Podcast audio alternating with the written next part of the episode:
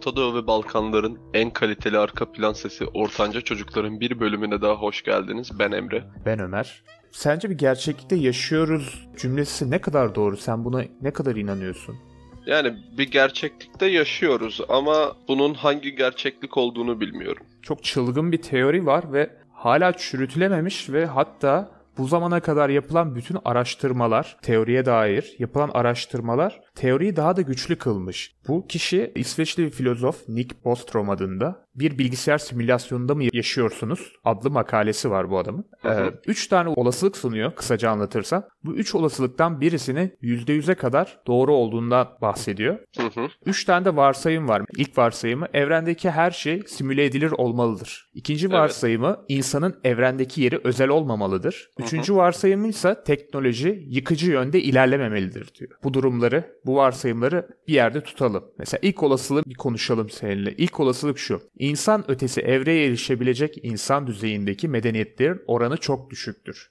Doğru. Çünkü şundan dolayı düşünüyorum ben. İnsan veya insansı varlıklar en azından bizim gibi düşünüyorlarsa doğaları gereği şöyle davranırlar. Belli bir yere ulaşmayı başarırlarsa burayı korumanın yollarından biri de başka insanların buraya ulaşmasını engellemek. Ondan dolayı böyle bir yüksekliğe varabilirsek diğer canlı formlarının varmasını engellemek insansı bir davranıştır. Doğrudur bence. Eğer bu ihtimal doğruysa, dediğimiz eğer doğruysa herhangi bir simülasyon olayın ihtimali de kalmıyor. Diyelim biz bu olasılığı kabul etmedik. 3 olasılıktan bir tanesi %100'e kadar doğru olmalı. İkinci olasılığa geçiyoruz. İnsan ötesi evreye erişebilmiş medeniyetler bir nedenle kendi evrimsel tarihlerinin simülasyonunu yaratmaya ilgi duymamaktadır. Ben önce şunu söyleyeyim. Şu zamana kadar insanların hareketlerine ve etiğe karşı olan umursamazlıklarını aslında umursamazlıklarını demeyeyim de gücü elinde bulunduran taraflar her zaman daha ileriye gitmek istemiş. O nedenle ben simülasyon yaratmaya ilgi duymayacaklarını hiç sanmıyorum. Sanmıyorum. Ee, şöyle kısa bir örnek vereyim. Abi sene olmuş 2020 hala Age of Empires oynayanlar var. Bin yıl öncesini anlatan bir oyun. Geçmişe dair merakımız inanılmaz şekilde devam ediyor. Eğer bu iki olasılık doğru değilse diyor geriye kalan tek bir ihtimal yani ters mantıktan ilerliyor bu durum. Tek bir olasılık kalıyor. Biz bir simülasyon ürünüyüz. Nasıl biz şu an her şeyi mesela sanal gerçeklik üzerinden mesela oyunlarımız inanılmaz şekilde gerçek bir şey değil mi yani? Gerçekten gerçek olma ihtimalimiz o kadar düşük oluyor ki bu mantıkla. Şu an biz gerçekten bir gerçeklikte de yaşıyor olabiliriz. Gerçekten gerçekte yaşama ihtimalimiz çok düşük diğer duruma Evet. göre baktığımızda. Önermeleri böyle sıraladığın zaman üçüncü önermenin daha mantıklı olduğunu düşünüyorum. Şundan dolayı ilk bilgisayar oyunu. Pong adı tamam mı? Hı hı. Ee, basit bir şekilde bir tane kare var. Top yapacak teknolojimiz yok çünkü. Ve iki tane dikdörtgen var. Masa tenisi oynuyorsun. Hani yukarı ve aşağı yönlendirerek oradaki dikdörtgenleri yukarı ve aşağı tuşuyla. Tabi o zaman joystick var. Masa tenisi oynuyorsun. Oyun bu. Hı. Şimdi baktığın zaman abi gitgide görsel olarak güzelleşen ve gerçekçiliği arttırılan senaryolarla oyunların içindesin. Mesela Sims'i düşün. İlk Sims'le son Sims'in arasındaki grafik farkına bak. Hı. Yani aslında üçüncü teori basitçe böyle bir şey diyor. Üçüncü teori basitçe biz aslında bizden daha üstün bir varlığın yani bizi simüle edenin yani bizim yaratıcı babamızın veya annemizin artık feministseniz e, bilgisayar oyununda kodlanan bir şey olabiliriz diyor ki mantıklı şöyle düşün.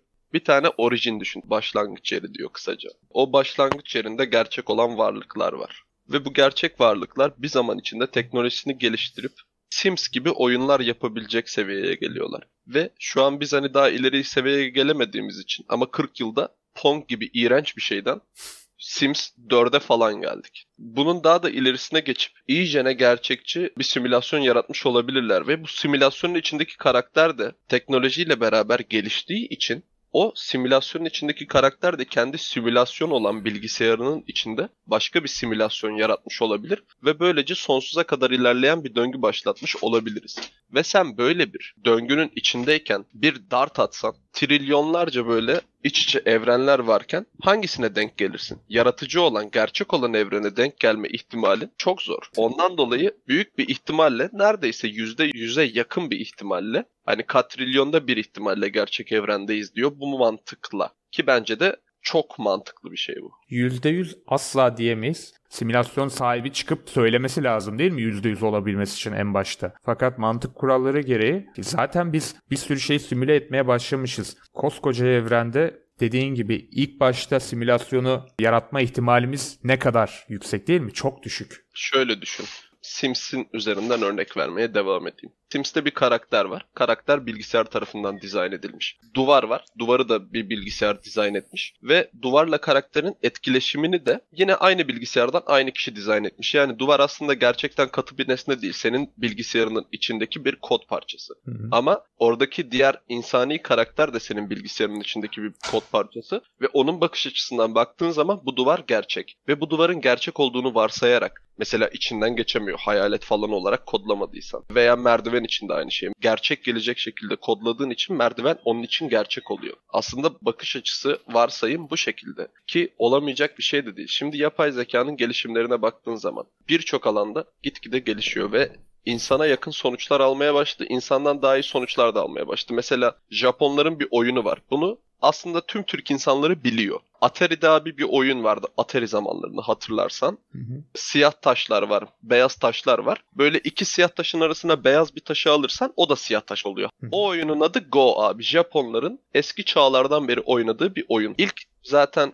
Artificial Intelligence yani yapay zeka denemeleri bu oyun çok basit olduğundan onun üzerinden yapılıyor. Ve abi binlerce yıldır gelen bir öğretinin üzerine Grandmaster seviyelerine ulaşmış Japon oyuncular bilgisayara yeniliyor. Çünkü bilgisayar abi aynı oyunu yüz binlerce defa açıp işlemcisinde aynı oyunu oynayarak normal bir insandan trilyonlarca kat daha hızlı oyunu öğreniyor. Yani sen bin yıl boyunca da o oyunu oynasan bilgisayar iki hafta sonra senden daha fazla tecrübeye sahip oluyor. Tabii. Ve bilgisayar kendi yeni numaralar icat etmiş. Mesela bilgisayara 175 milyon tane parametre yükleniyor. Haliyle tabii ki de normal bir insan beynini şey yapabilir. Tabii ileride de bir insanın beynine hazır olarak bütün satranç hamlelerini ve daha önceki bütün tecrübeleri bir insan beynine e, yükleyebilirse aynı yapay zeka yüklendiği gibi ha, insanlar da bu evreye gelebilir elbette. Fakat şu an imkansız. Gelmeleri için ama gelmeleri için ama bir şey daha lazım. O da bir bilgisayar hızında milyonlarca katrilyonca kez tekrar yapabilme yetisi. İnsanda Evet. maalesef bu da yok. Mesela yapay zekalar sadece o üzerlerine bilgi koy ve öyle bırak gibi bir durum da yok. Bilgiyi veriyorsun, işlemi de en iyi performansta yapıyor. Mesela bir oyun yapay zekaya şöyle bir komut veriliyor. Şu oyunu oyna ve en kısa sürede bitir.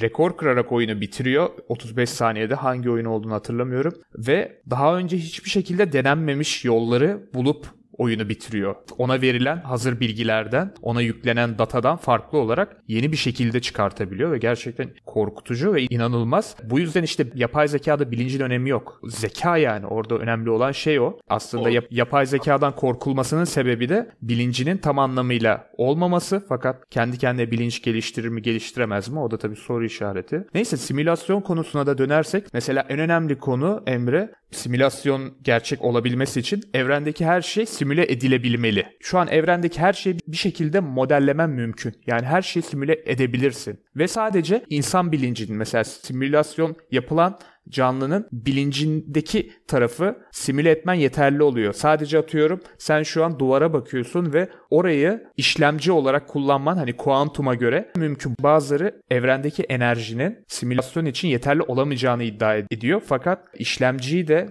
tasarruflu kullandığın yani sadece bilince göre yaptığın zaman evrendeki enerjinin de yetebileceği görülmüş. Şöyle abi mesela bak şimdi evrenin varoluşuyla ilgili mesela Big Bang teorisi var değil mi? Basit bir şekilde bir patlama ve bu patlamadan saçılan parçacıklar zaman içinde yaşama dönüşüyor. Yani çok basit bir insan olarak ben düşünüyorum. Simülasyon yapacak olsam teker teker insanları yazmak yerine abi Big Bang'i simüle ederim. Hı hı. Ve Big Bang'i simüle ettikten sonra olayların akış sırasıyla beraber insanları dolaylı olarak simüle etmiş olurum. Yani tek bir hidrojen atomunu simüle ederek iki tanesini simüle edip birbirlerine böyle vurarak tüm insanlığı yaratmış olabilirsin. Simülasyon teorisine baktığın zaman aslında teori gitgide daha mantıklı gelmeye başlıyor. Bu şunu bile dedirtebilir. Yani hani aslında sonsuz bir şekilde böyle 2200 yılını düşün mesela. Sen Sims 25'i çıkarttın ve Sims 25'teki oyun karakterleri artık seni cep telefonundan, seni kendi hattından arayabiliyorlar. Yapay hı. bir zekaya sahipler ve onlarla bile iletişim